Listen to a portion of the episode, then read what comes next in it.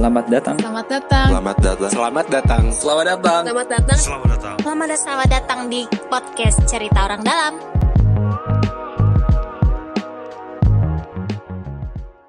Ya, selamat pagi, siang, sore, malam.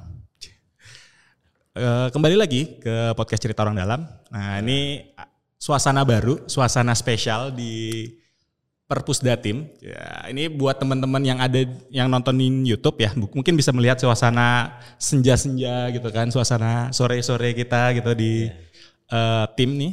Eh, Nah, ini adalah kali pertama dari ruang siniar atau ruang podcast ya di tim gitu. Nah, ini di sebelah kiri saya ini ada lagi pakai batu baju batik-batik semua ya.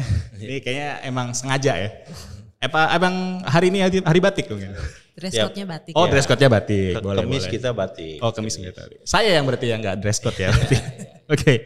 Eh, mungkin eh, bisa kenalan dulu nih dari sebelah kiri saya nih ada tiga orang batik gitu. Ini siapa aja kira-kira ngomongin kira akan ngomongin soal Perpus Datim gitu. Eh, lagi hits banget ya di Instagram dan eh, banyak yang selfie-selfie dan segala macam. Nah, ini adalah punggawa-punggawa orang-orang yang mengelola di Perpus. Mungkin perkenalan dulu dari nama dan eh, apa satuan kerjanya seperti apa. Silakan. Dari saya dulu ya berarti ya. Oh, silahkan. Ladies first, ladies first. Ladies, ladies duluan biasanya. Eh, saya Sulis, di sini saya bertanggung jawab di bagian koleksi dan layanan perpustakaan. Oke. Lanjut Pak. Mungkin umur dulu. Saya nggak mancing ke sana ya sebenarnya, tapi ya, Lengkap ya, sudah Pak? mancing gitu. Oke Pak, Betul, nggak apa-apa. Kita lanjut. Eh, saya Nanang dari eh, Satuan Pelaksana Pusat Dokumentasi Sastra PDS Habiasin. Oke. Eh, masih berada di bawah eh, bidang eh, deposit eh, pengembangan koleksi dan layanan perpustakaan. Siap. Nah Bapak ini nih yang bosnya. nih. Oh, terlihat ya dari mungkin kalau di YouTube ya terlihat mana yang bos ya. Kebetulan saya yang paling tua di sini. Eh, nama saya Eka Nur Etika Putra. Oke. Eh, kebetulan yang saat ini bertanggung jawab di layanan perpustakaan Jakarta ini namanya lay- perpustakaan Jakarta PD Sabiasin. Oke. Layanan perpustakaan Jakarta Cikini tepatnya. Oke. Ini sudah di siap. branding bukan lagi Perpusda DKI tetapi Perpustakaan Jakarta. Nah, ini saya juga udah dikoreksi ya. Namanya nama resminya ada Perpustakaan Jakarta. Perpustakaan Jakarta. Ah, Oke. Itu. Langsung nyambung nih Pak. Eh, tadi kan eh, apa namanya? Berarti kalau Perpustakaan Jakarta itu sendiri kan bisa dibilang di bawah Dinas Perpustakaan dan Arsip, betul? Eh, sebenarnya kira-kira eh, lingkup kerjanya dari Dinas Perpustakaan dan Arsip itu apa aja sih Pak? Jadi Dinas Perpustakaan dan Kearsipan Provinsi Jakarta oke. lengkapnya seperti itu. Secara umum mempunyai tugas utama pertama melakukan di si- ada dua bidang ya. Ada Oke. dua bidang. Pertama bidang perpustakaan. Mm-mm. Perpustakaan itu ada dua. Satu bidang layanan. Saya sa- lebih lebih cenderung mengatakan bidang layanan Oke. perpustakaan. Eh, Yang diterjemahkan nanti jadi adanya eh, perpustakaan Jakarta Cikini, perpustakaan Jakarta lima wilayah kota. Oke. Kemudian ada pembinaan, bidang pembinaan perpustakaan. Mm. Tugas utamanya yaitu melakukan pembinaan terhadap perpustakaan umum di Jakarta, Oke. perpustakaan masyarakat agar bisa melayani melaksanakan layanan perpustakaan secara standar, sesuai standar. Jadi ada standar layanan. Itu diemban oleh bidang layanan perpustakaan, Perpustakaan. atau bidang pembinaan perpustakaan atau biasa dikenal dengan bidang P2 PKM. Sedangkan di sini kami adalah bidang layanan. Bidang layanan dari mulai penyediaan koleksi dan lain sebagainya termasuk melakukan layanan perpustakaan. Sedangkan ada dua lagi bidang. Hmm. Karena kita dinas itu melaksanakan dua urusan, urusan perpustakaan, Perpustakaan dan urusan kearsipan.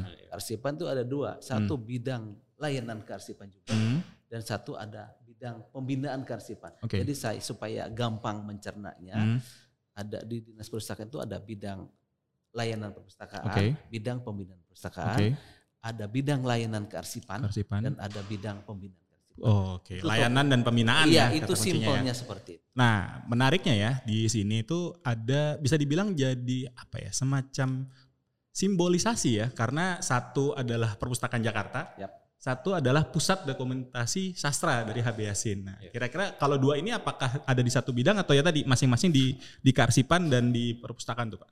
Eh, untuk bidang debangkolai atau bidang layanan itu salah satu tugasnya eh, dari mulai tahun 2019 ya, Pak Iya Danang. betul Pak. Oke. Pusat Pusat Dokumen Sastra HB Yasin Mm-mm. itu eh, bergabung menjadi salah satu bagian dari bidang layanan perpustakaan.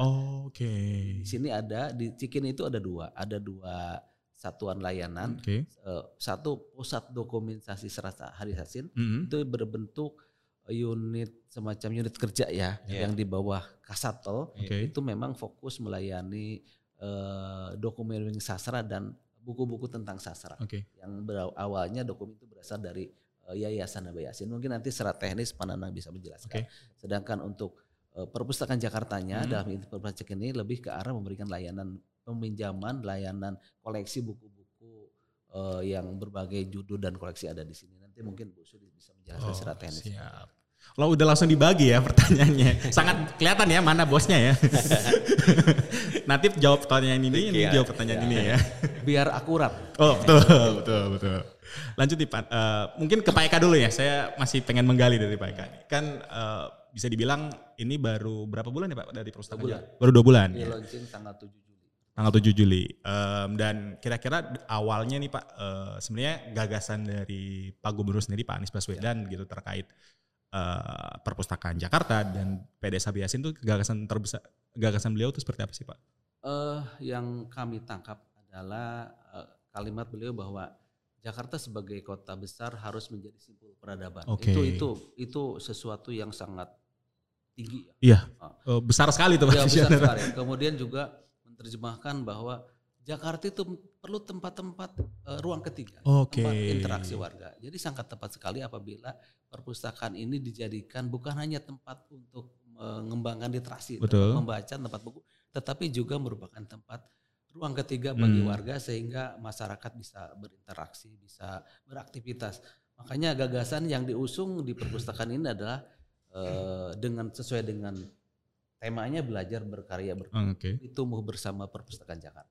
Jadi di sini mewujudkan Jakarta bukan hanya tempat belajar, bukan hanya tempat belajar, bukan hanya tempat buku, bukan hanya tempat koleksi, juga tempat untuk berkaya dan bertumbuh. Oh mantap. Sudah dijelaskan ya dari tagline-nya di belakang ya Iya. buat yang teman-teman yang di YouTube ya. Nah lanjut nih Pak. Em, tapi mungkin nanti bisa ditambahin sama Pak Nanang dan eh, Mbak Sulis gitu Iya. bahwa apa sih Pak tantangan terbesar tadi kan eh, gagasan beliau sangat eh, apa ya eh, visioner dan, dan besar sekali gitu antar menjadi simbol peradaban dan menjadi ruang ketiga gitu buat eh, masyarakat Jakarta gitu. Nah kira-kira tantangan terbesar nih ketika akhirnya mewujudkan dari dari gagasan terus akhirnya jadi nih eh, perpustakaan Jakarta dan PD Sabi Yasin tantangan terbesarnya apa sih Pak? Eh, dari sisi gagasan sudah ada, dari sisi apa namanya eh, ruang gedungnya sudah disiapkan seperti itu. Yang terbesar adalah bagaimana caranya agar tadi warga pemustaka datang Hmm. ke sini bukan hanya bisa menikmati koleksi, Oke. tetapi benar-benar dia merasakan ini menjadi tempat tempat nyaman, betul. tempat dia bisa beraktivitas, Hmm. bisa tempat berinteraksi. Itu mewu- mewujudkan ruang-ruang secara konkret itulah yang tidak mudah. Hmm, Fasilitas oke. apa saja harus kita sediakan. Kemudian me- me- apa namanya menyiapkan semacam aplikasi dan lain sebagainya Oh, memudahkan oke. orang bisa mencari mencari eh, pencarian koleksi beraktivitas dan sebagainya itu yang tidak mudah. Kemudian juga yang paling penting adalah merubah kultur kami kita kitanya nih Hmm, teman-teman dari diskusinya ya. Iya, SDM kitanya agar merubah kultur yang biasanya kita melayani pemustaka itu dengan sikap seperti apa menjadi seperti bagaimana. Karena itulah yang paling terbesar. Iya. Buat kultur kita menjadi kultur yang lebih Inovatif lah ya. ya, Ya, inovatif, lebih apa namanya empati dan lain sebagainya. Oke. Itu yang tidak mudah. Yang terakhir adalah membranding. Oke. Membranding perpustakaan ini yang tadinya hanya tempat tumpukan buku Hmm. menjadi tempat eh, beraktivitas, tempat belajar, tempat berkarya dan tempat bertumbuh. Wah, Itu mantap. Nih, kayaknya harus ada kata-kata itu ya. belajar, belajar berkarya dan Iya, bertumbuh. Mungkin iya. Pak Nanang Mbak Sul, Nah, ada Iya. tambahan mungkin? Itu Ya. aja sih. Jadi kayak sebenarnya kan perpustakaan ini tuh kayak kita datang ke perpustakaan. Sekarang ini suka nggak suka kalau misalnya kita lihat di medsos nih. Hmm. Ngapain datang ke perpus cuma buat foto-foto doang gitu Betul. kan. Cuma buat konten doang. Buat kita nggak masalah kayak gitu. Iya. Datang ke perpus silahkan mau pakai baju. Nah, ta- eh, waktu itu pas kita briefingan Pak Nana sempat bilang sempat ada fashion show di perpus terus bawa kamera DSLR yang Oh, emang udah oke. lengkap itu gak masalah sama Hmm. sekali buat kita karena tujuan perpus itu kita datang bukan cuma buat baca bukan cuma buat kayak riset segala Hmm. macam nggak sekaku itu tapi kita menyediakan perpus itu sebagai tempat interaksi yang lebih Oke. luas kalau emang interestnya foto dan interestnya konten why not Oke. Mereka melihat buku yang menarik, mereka bisa duduk baca dan mungkin itu membuka minat mereka untuk explore buku lebih Baca, lanjut. oke. Siap, Seperti siap, itu sih. Dari Panana mungkin tambahan Ya. tantangannya gimana nih? Kalau dari kami ya dari PDS HB Yasin itu tantangan terbesar kami adalah bagaimana kita bisa mensatu padukan berbagai kepentingan dari sini nih banyak komunitas sastra yang memang dari awal tuh merasa sudah eh, memiliki PDS HB Yasin dari Oh, kulturnya oke. mereka ya banyak para seniman penyair dari berbagai eh, kalangan itu bagaimana kita dapat memberikan ruang yang lebih banyak tentunya Oke. buat eh, mereka untuk lebih beraktivitas di sini. Jadi saya sering eh, ngomong sama teman-teman eh, seniman bahwa HBASN itu bukan punya pemerintah daerah sebenarnya hanya punya teman-teman sendiri masyarakat dan seniman. Jadi kami di sini istilahnya hanya untuk menjaga saja, fasilitator saja. Nah, mereka-mereka yang harus lebih banyak eh, memanfaatkan fasilitas yang ada di PDS HB Yasin. Tentunya dengan berbagai aktivitas literasi dan sastra. Nah, di situ dari berbagai banyak eh, keinginan, pentingan banyak sih. Eh, oh, mereka maunya seperti seperti ini ya, tapi tentunya kita sedikit demi sedikit ya, PK kita berusaha untuk mengakomodir teman-teman eh, sastra dan teman-temannya. Tentunya juga masyarakat eh, yang melakukan penelitian di sini supaya lebih bisa mengeksplor lebih jauh apa koleksi PDS HB Yasin tentang bagaimana mereka memanfaatkan koleksi tersebut. Hmm. Eh, bahkan kita berikan hal-hal tertentu kita memberikan kesempatan kepada mereka untuk melihat secara langsung bagaimana tujuan eh, pengambil alihan PDS HB Yasin. Awalnya itu adalah untuk eh, apa namanya menyelamatkan koleksi yang Oke. begitu berharga ya dari warisan dari almarhum Pak Yasin supaya bisa terus eh, bisa dimanfaatkan oleh masyarakat seperti kata Pak Gubernur kan di sini adalah tempat istilahnya kita memperjuangkan kata-kata gitu di mana kata-kata itu kan eh, berarti yang sangat luas gitu ya Hmm. kata-kata bisa merubah mindset eh, orang bisa Hmm. menggerakkan orang Hmm. bahkan kata-kata bisa menggerakkan bangsa itu yang kami pegang sebenarnya Siap, siap, siap, siap. Itu kalau kata temennya, C, temennya Habib Yasin tuh perjuangan adalah pewujudan kata-kata. ya itu kata-kata Rendra itu Eh, kata Rendra salah ya? Oh, akhirnya lama sih. Benar. Salah lagi saya. benar temannya Abiasin tapi itu Temennya Abi Yasin. temennya juga Temennya yang lain ya. temennya yang lain Saya salah ngutip karena tadi tadi ngam- ngambil ngambil saya ngambil kata-kata dari Bapak Pananang nih, tapi Iya. malah salah kutip ya. Malu saya ini jadinya. nggak apa-apa Diketawain produser dari semua saya. kayak informasi aja Betul. juga bahwa itu kan memang dari puisinya Rendra, Rendra. ya. puisi ya kalau anak tahun 90-an mungkin tahu ya. Nah, itu kita- Saya lahirnya 90-an, Pak. kalau saya anak 90 mungkin tahu itu Rendra apa ya eh, dulu kan eh, jadikan tata takwa ada salah satu Ya, judul lagunya itu adalah puisinya yang berjudul Paman Doblang itu Betul. jadikan sebuah syair di lagunya Kanta Takwa yang salah satunya adalah itu ya. Oke. Eh, apa namanya perjuangan adalah pelaksanaan Kata-kata. kata-kata. Oke. Nah, eh, mungkin dari kembali lagi nih ke Pak Eka gini. Em, saya mungkin sedikit sharing ya. Saya dulu sering ke tim dan saya juga udah pernah mampir di perpus yang lama dulu. Oh, yang lama ya. Eh, dulu saya inget tuh di aw, di masuk awal-awal lantai bawah tuh kayak ruang mainan dan segala macam Iya, gitu. Terus saya juga pernah ke yang PDS Yasin tapi em, dulu yang di deket belakang planetarium kalau nggak salah. Iya betul. Ya, gitu betul. kan. Eh, dan ya memang kondisinya ya masih perlu perbaikan banyak lah. Pasti perlu perjuangan. Betul.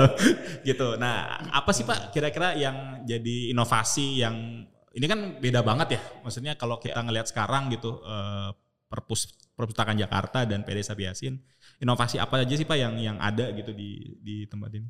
Kalau untuk perpustakaannya Ya. ya, terutama permainan anak, kalau dulu itu lebih ke arah yang itu adanya wisata literasi. Oke, mungkin lebih dekat Pak, biar suara Iya. merdu Bapak ini kita saya lebih dengarkan. ya.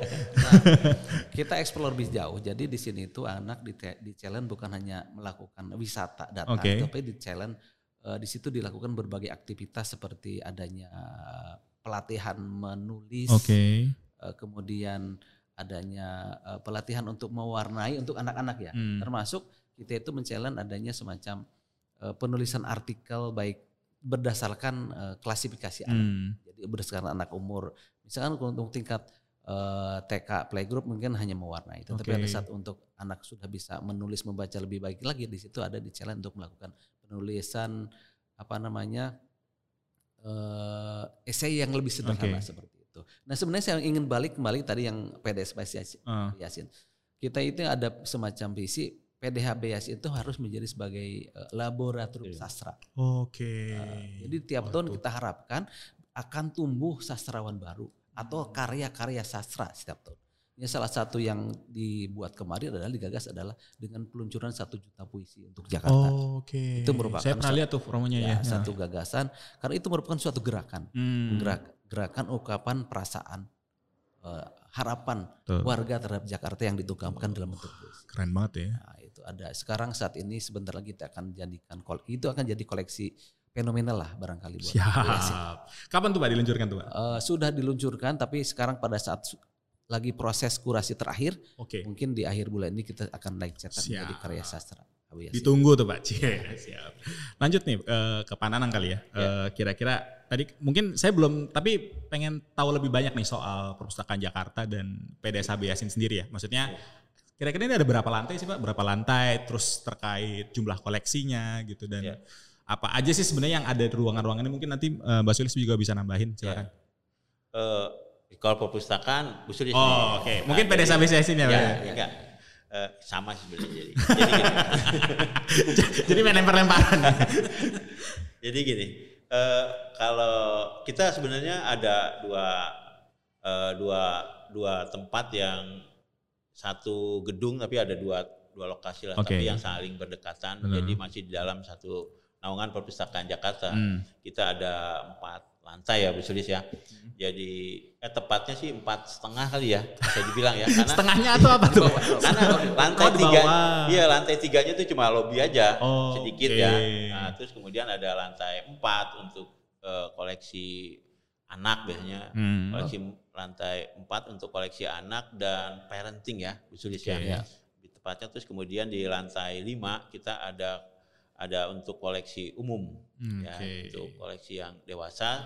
Lantai 6 itu untuk eh, koleksi eh, apa namanya referensi ya, Hmm, koleksi ini yang biasanya referensi. bukunya buku mahal tuh Iya, Pak. Saya- iya. Saya selalu menyalahkan karena bukunya Iya, mahal biasanya. iya. Di situ juga kita ada tempat eh, untuk eh, peminjaman komputer ya, Ya. Bu Sulis. Oke. Ada jadi para pemustaka yang nggak Asal komputer komputernya nggak dibawa pulang ya Pak. Ya, kita siapkan fasilitas dia supaya bekerja dengan nyaman Hmm. dan di ruang-ruang lantai 5 dan lantai 6 itu juga ada ruang baca yang sifatnya Privat. eh, private ya, ah, Oke. gitu Pak.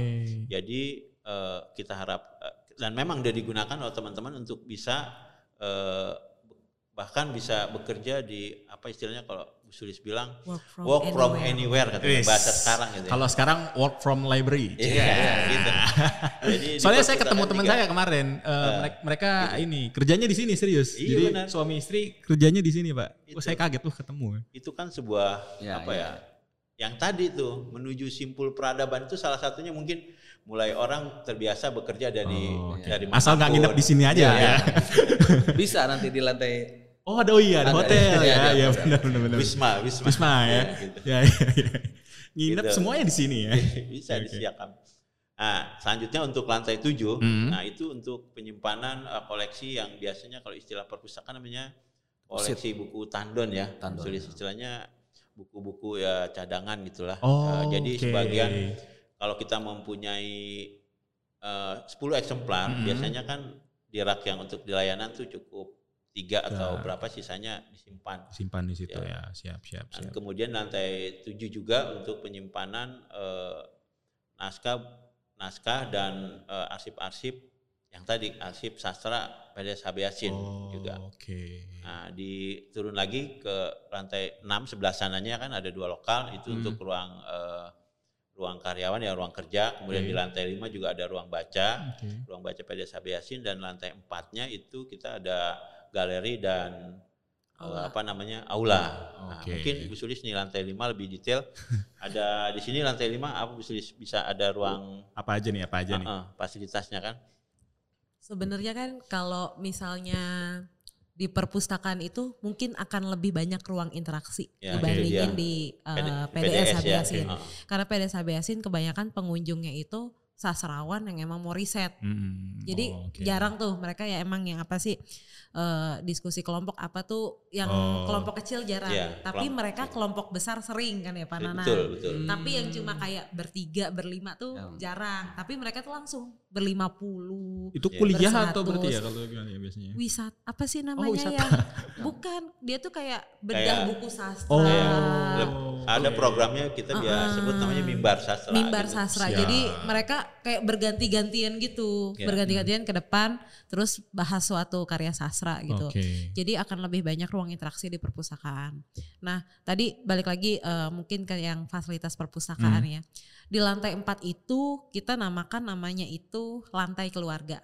Nah, Iya. karena banyak koleksi anak di situ. Koleksi anak di sana kita bagi per kelompok umur. Oke. Jadi ada kelompok umur 0 sampai 6 tahun, Hmm. 7 sampai 9, 10 sampai 12. Kenapa kita bedakan? Sekarang bayangin ponakannya nih misalnya ya. Ponakan umur 5 tahun. Hmm. Dia kalau baca buku yang terlalu banyak tulisannya udah down Oh, duluan kan. Kayak misalnya Isinya terlalu berat ya. isinya terlalu berat buat dia. Jadi makanya kenapa eh, kita bedakan menurut umur. Jadi dia bisa langsung nih ke buku yang sesuai umurnya dia. Dan Hmm. harapannya setelah dia membaca buku yang sesuai umurnya dia, dia akan tertarik membaca lebih Oke. lanjut buku-buku yang lain. Jadi dia nggak down sama buku pertamanya Betul. dia. Nah, terus kan pasti anak-anak itu diajak sama orang tuanya Hmm. nih, sama bapak ibunya. Terus bapak ibunya baca apaan? Mereka nggak mungkin dong baca buku anak-anak Oh. juga kan. Nah, Ya. ada section buku keluarga di situ. Oke. Buku keluarga itu isinya apa sih? Isinya soal hobi, parenting. Jadi Hmm. ibu-ibu tuh resep masakan tuh banyak di situ. Terus yang buat anak-anak eh yang buat bapak-bapak tuh biasanya miara ikan. Iya. ikan yang gitu-gitu kan kayak Biasanya adalah ini seni eh, merawat cupang. Iya. Nah, yang gitu-gitu. Bertanam. Bercocok tanam. Bercocok tanam. Bercocok Berkebun. tanam. Iya, Terus olahraga. merawat kayak peliharaan burungnya dia yang kayak gitu-gitu kan tuh banyak tuh di Iya. situ tuh. Terus di sebelahnya lagi ada koleksi sastra Indonesia. Itu kayak Teen Lit Metropop Oh, yang buat oke. kakak-kakaknya. Saya kan itu populer banget tuh Betul. kalau di Indonesia kan. Nah, untuk naik ke lantai 5, kita eh untuk naik ke lantai 5 dari lantai 4 Hmm. kita tuh lewat rak tangga. Mungkin Ya. kalau misalnya ngeliat eh, Instagram Instagram perpus itu rak tangga yang ikonik ya, banget. Ya, ya, Jadi ya. itu tempat eh, kommemoratif foto gitu. Jadi harus foto di situ. harus foto di situ. ya. Baru dianggap ke perpus. Betul. Ya. Nah, di rak tangga ini ada koleksi premium kita. Hmm. Karena kita ada di kawasan tim, di situ di lantai yang paling bawah ada namanya koleksi astronomi. Oh, planetarium ya. Planetarium Oke. hubungannya. Naik ke atas dikit ada koleksi seni sastra dan budaya. Oke. Karena kita di tim kan. Naik sedikit lagi ada koleksi khusus kejakartaan. Oke. karena kan kita di kan, Jakarta. Nah, itu bagian premium kita tuh. Oke. Lantai 5 itu kan tadi Pak Nanang jelasin Ya. ada ruang baca kan. Oke. Ruang baca kita tuh ada tiga jenis. Hmm.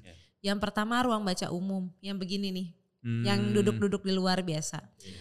Yang kedua ada ruang baca private Oke. yang di dalam ruang kaca cuma dua orang isinya. Hmm. Biasanya orang zoom di situ, Oke, karena bisa karena bisa Ya, lebih ya. privat ya. bisa lebih Ya. privat. Agak geser ke belakang lagi ada ruang baca lesehan. Jadi di bawah di bin bag, depannya kaca, buka laptop. Oh, Banyak startup sekali ya, startup. Startup Iya, iya. banget. Banget. In Nah, jalan sedikit ada koleksi umum. Oke. Koleksi umum itu ya koleksi kita biasa ada komputer, biografi Oke. segala macam dan di sebelahnya ada ruang diskusi. Ruang diskusi itu diisi 3 sampai 5 orang biasanya itu dimanfaatkan 2 jam lah. Terus naik ke lantai 6 tadi ada koleksi referensi Hmm. yang premium-premium Oke. di situ dan ada ruang multimedia. Ruang multimedia kita tapi ada sisi menariknya kan ya Pak Iya, Nanang. betul. Jadi kita bukan cuma komputer biasa kalau ruang Iya. multimedia. Kita ada komputer desain di situ. Wow. Yang speknya memang kita sesuaikan untuk render. Jadi Oke. kan kita kan deket sama IKJ. IKJ teman-teman. banyak kayak tugas-tugas kan yang Oh. harus yang kayak Wah, eh, yang membutuhkan spek ya. tinggi Iya, kan. menolong banget tuh ya. Untuk ngedesain, ngedesain. Untuk desain segala macam. Nah itu kita menyediakan tiga unit ya, tiga unit Iya. komputer emang khusus desain. Jadi tinggal minta ke petugasnya, saya minta dong komputer yang spek buat desain, kita bisa provide di situ. Oke, menarik, menarik. Oh ya Bu. Sulis, jangan lupa kita juga di lantai 5 tadi em, ada ruang inklusi ya. Ya, ya. Benar, Nah, gitu. ada ruang inklusi. Jadi eh, di situ ada, soalnya kan eh, ruang inklusi untuk teman-teman disabilitas. Oke. Jadi teman-teman disabilitas yang paling terdampak soal literasi adalah disabilitas netra kan, Ya. karena kan literasi harus baca ya. Nah itu kita sediakan di situ ada audiobook, Oh, Oke. ada buku braille, dan ada komputer bicara.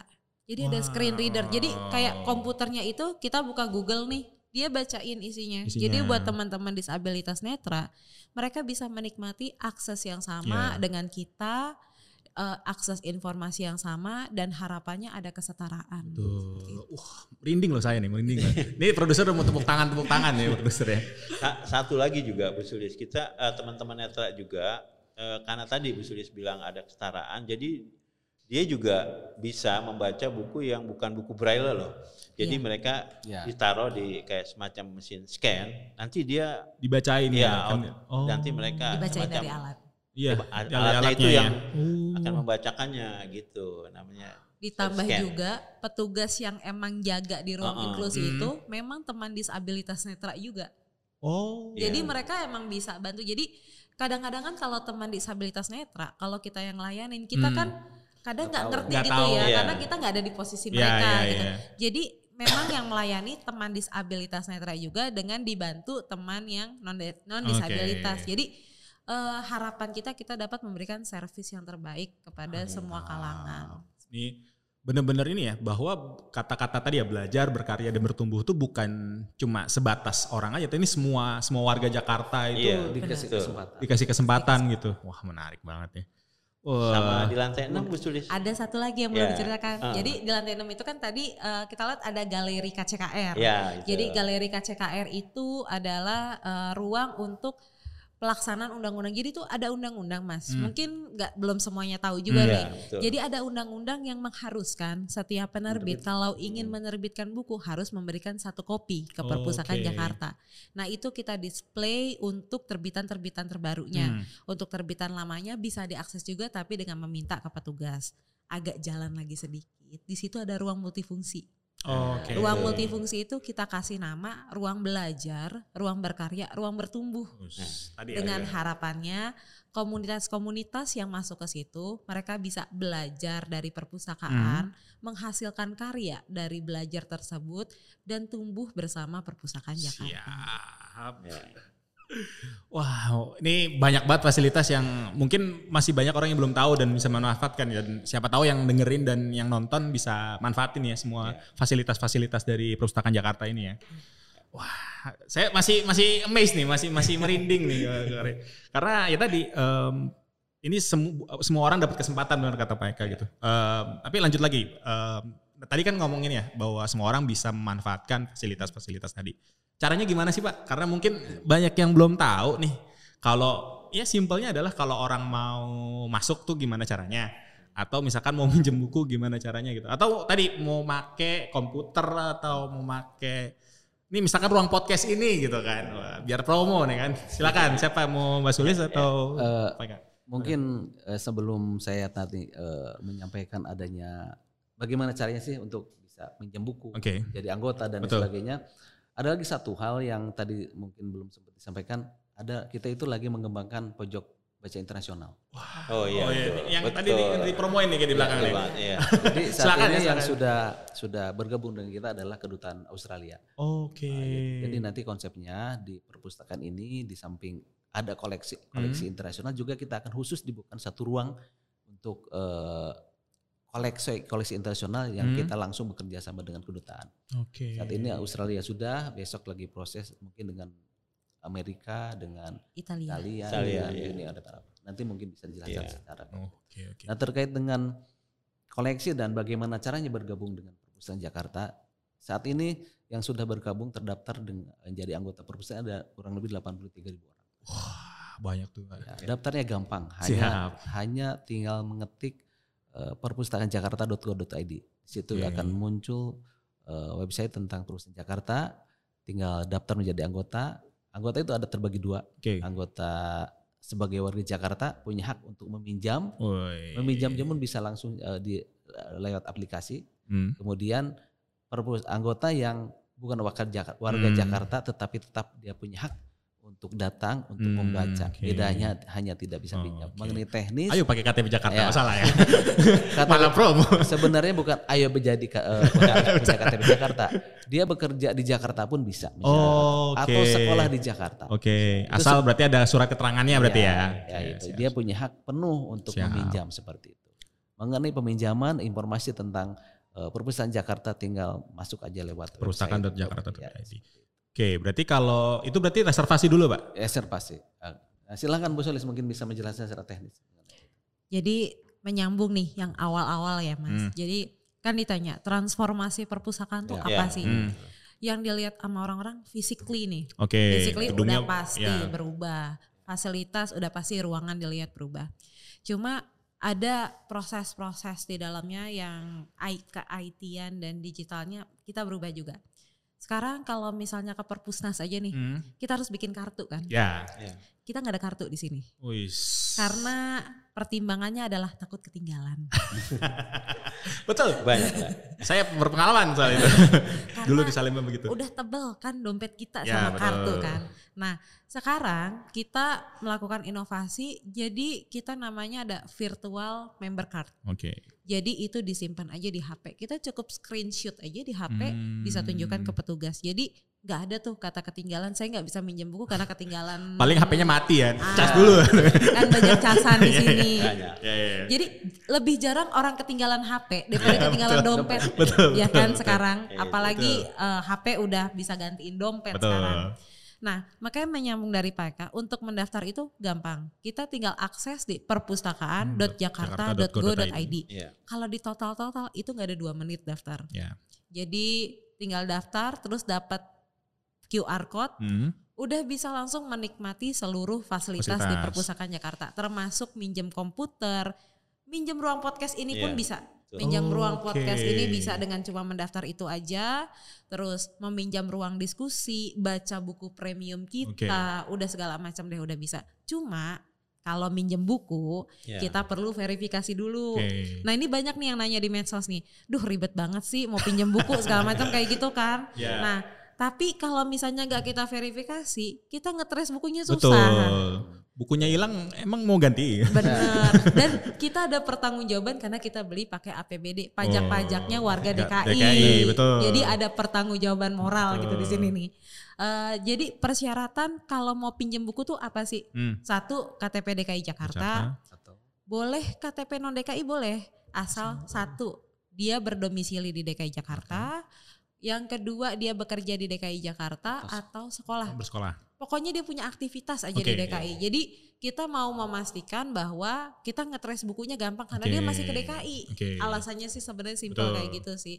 Terus ditambah lagi karena kita di sini kan kalau biasanya perpustakaan itu dia naruh uang deposit ya. Jadi buat Ya. kalau uang sega, eh kalau hilang segala macam ada jaminan. Hmm. Kan kita kan nggak boleh ya. Jadi Hmm. makanya agak lebih rigid peraturannya Betul. karena alasan itu.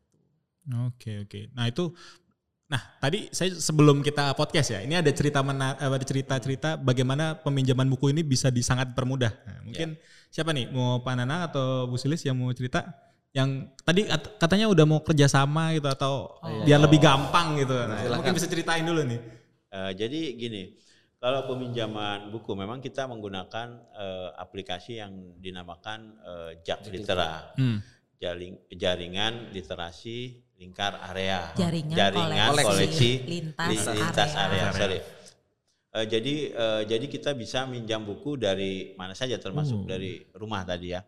Eh, kita seperti tadi yang disampaikan, kita rumahnya misalnya di utara gitu Hmm. ya, tapi koleksinya ternyata adanya di Jakarta Barat gitu. Hmm. Mereka cukup eh, melakukan aplikasi, eh, mengakses aplikasi, Aplikasi. itu, terus misalnya booking gitu ya. Oke. Nanti bisa meminjam koleksinya nanti kami antarkan ke Jakarta Barat. Mereka nggak perlu jauh-jauh lagi harus ke utara gitu. Iya. Pokoknya kita memper apa namanya jangkauannya lebih dekat lah kepada- memberikan memberikan kemudahan. kemudahan gitu.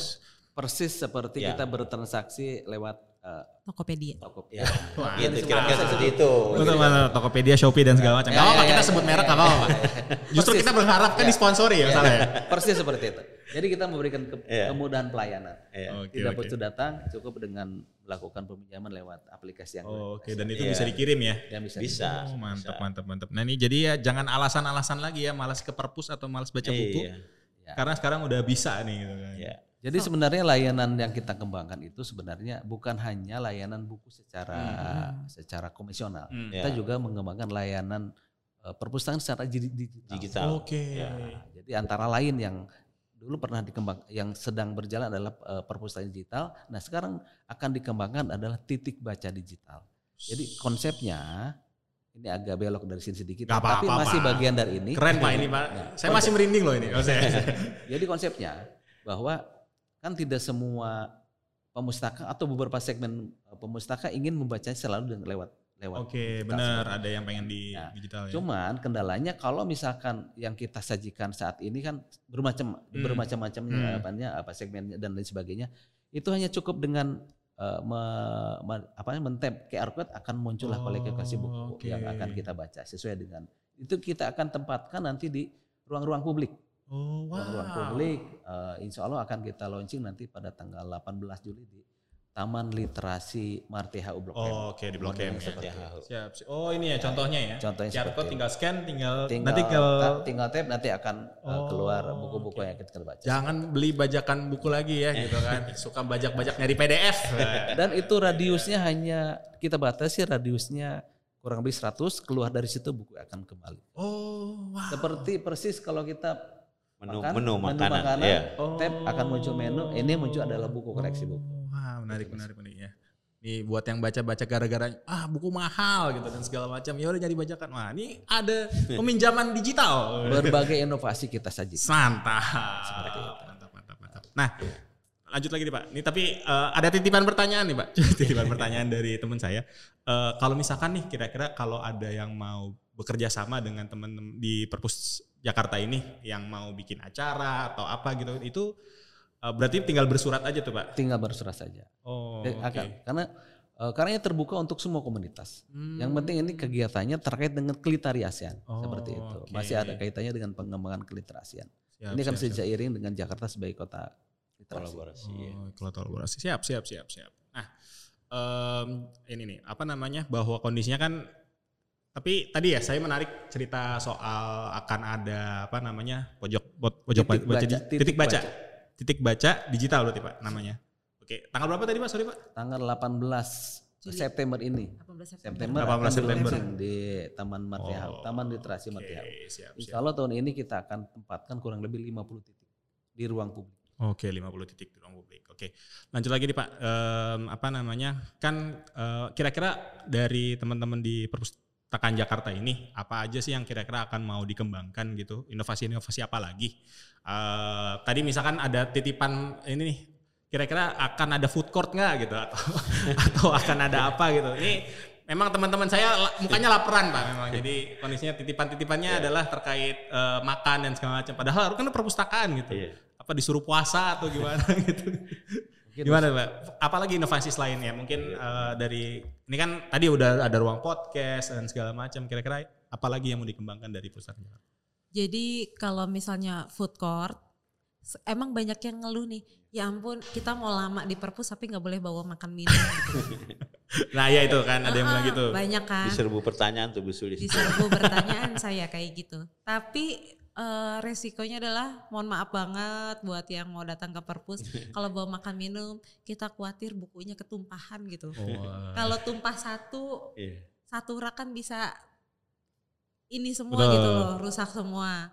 Jadi mungkin tapi nantinya di lantai GF itu akan ada food court. Us. Jadi nggak usah jauh-jauh, bisa eh, kalau misalnya nih pas jam makan siang turun sebentar makan nggak masalah. Terus terkait inovasi selanjutnya dari perpustakaan Jakarta.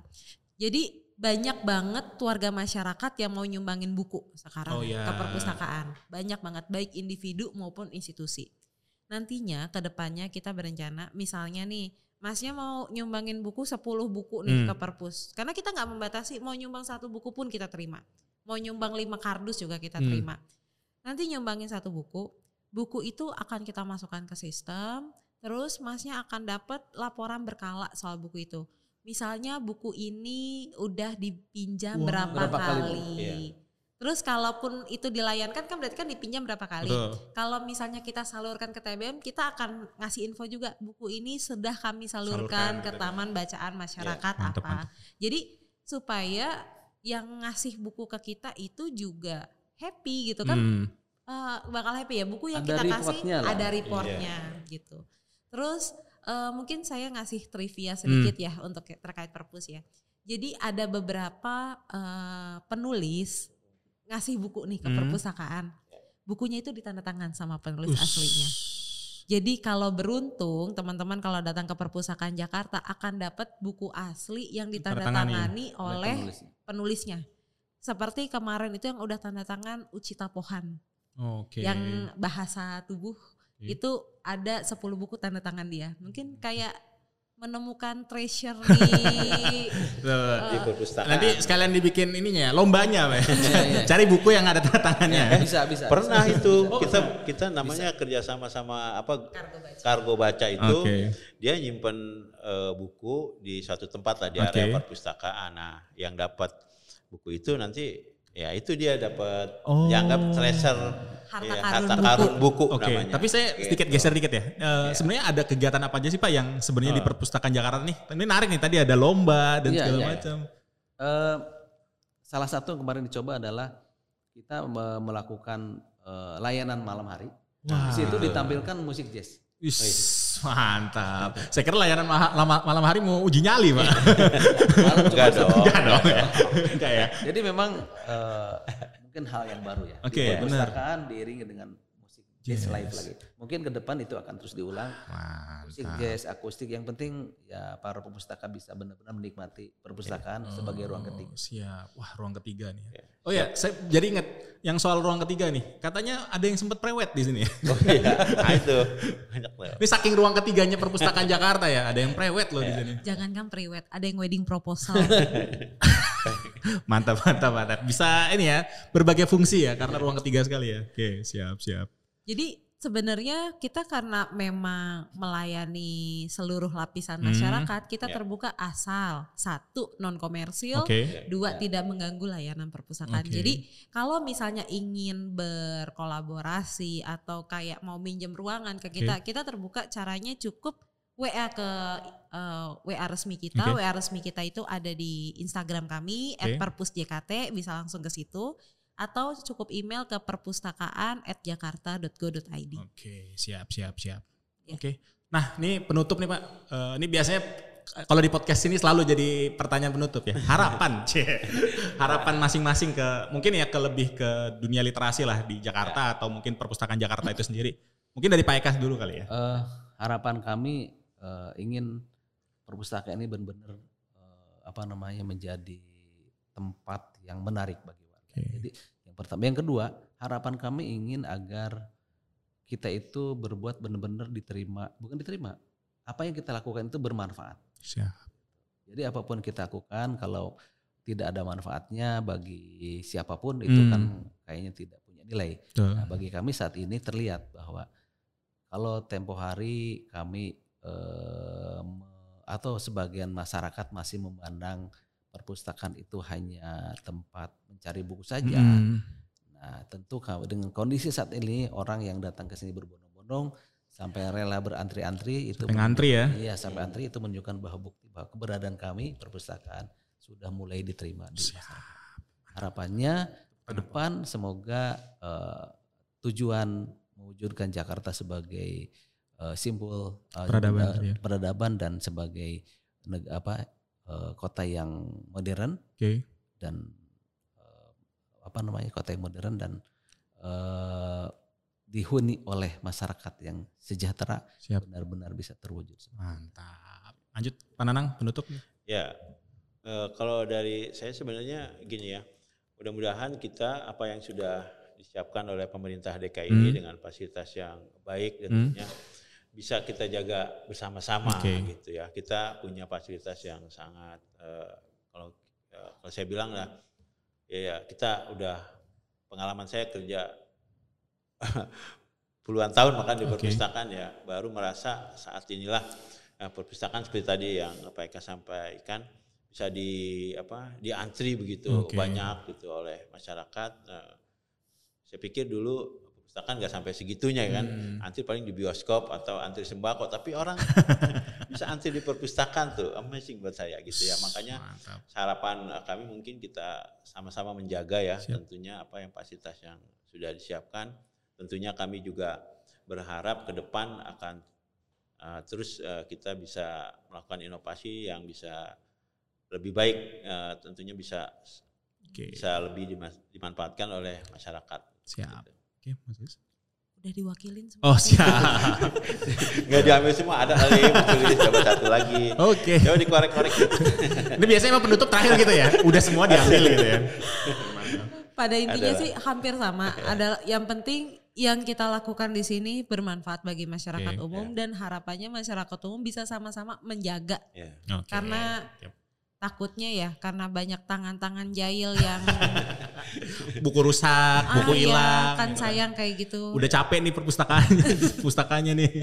Harapannya itu aja sih. Iya, pustakawannya udah pada capek-capek, katanya udah pada tumbang-tumbang Ya, gitu ya. kan dan segala macam. Ya, mohon mohon kerjasamanya ya pada yang Siapkan. Oke. Ini Bu Sulis nih energinya harus dijaga. Siap. Jaga, tetap jaga kesehatan Iya, buat Bapak gitu. Ibu ya. Oke. Oh ya. Thank you banget. Eh, terima kasih banyak buat Bapak Ibu semuanya.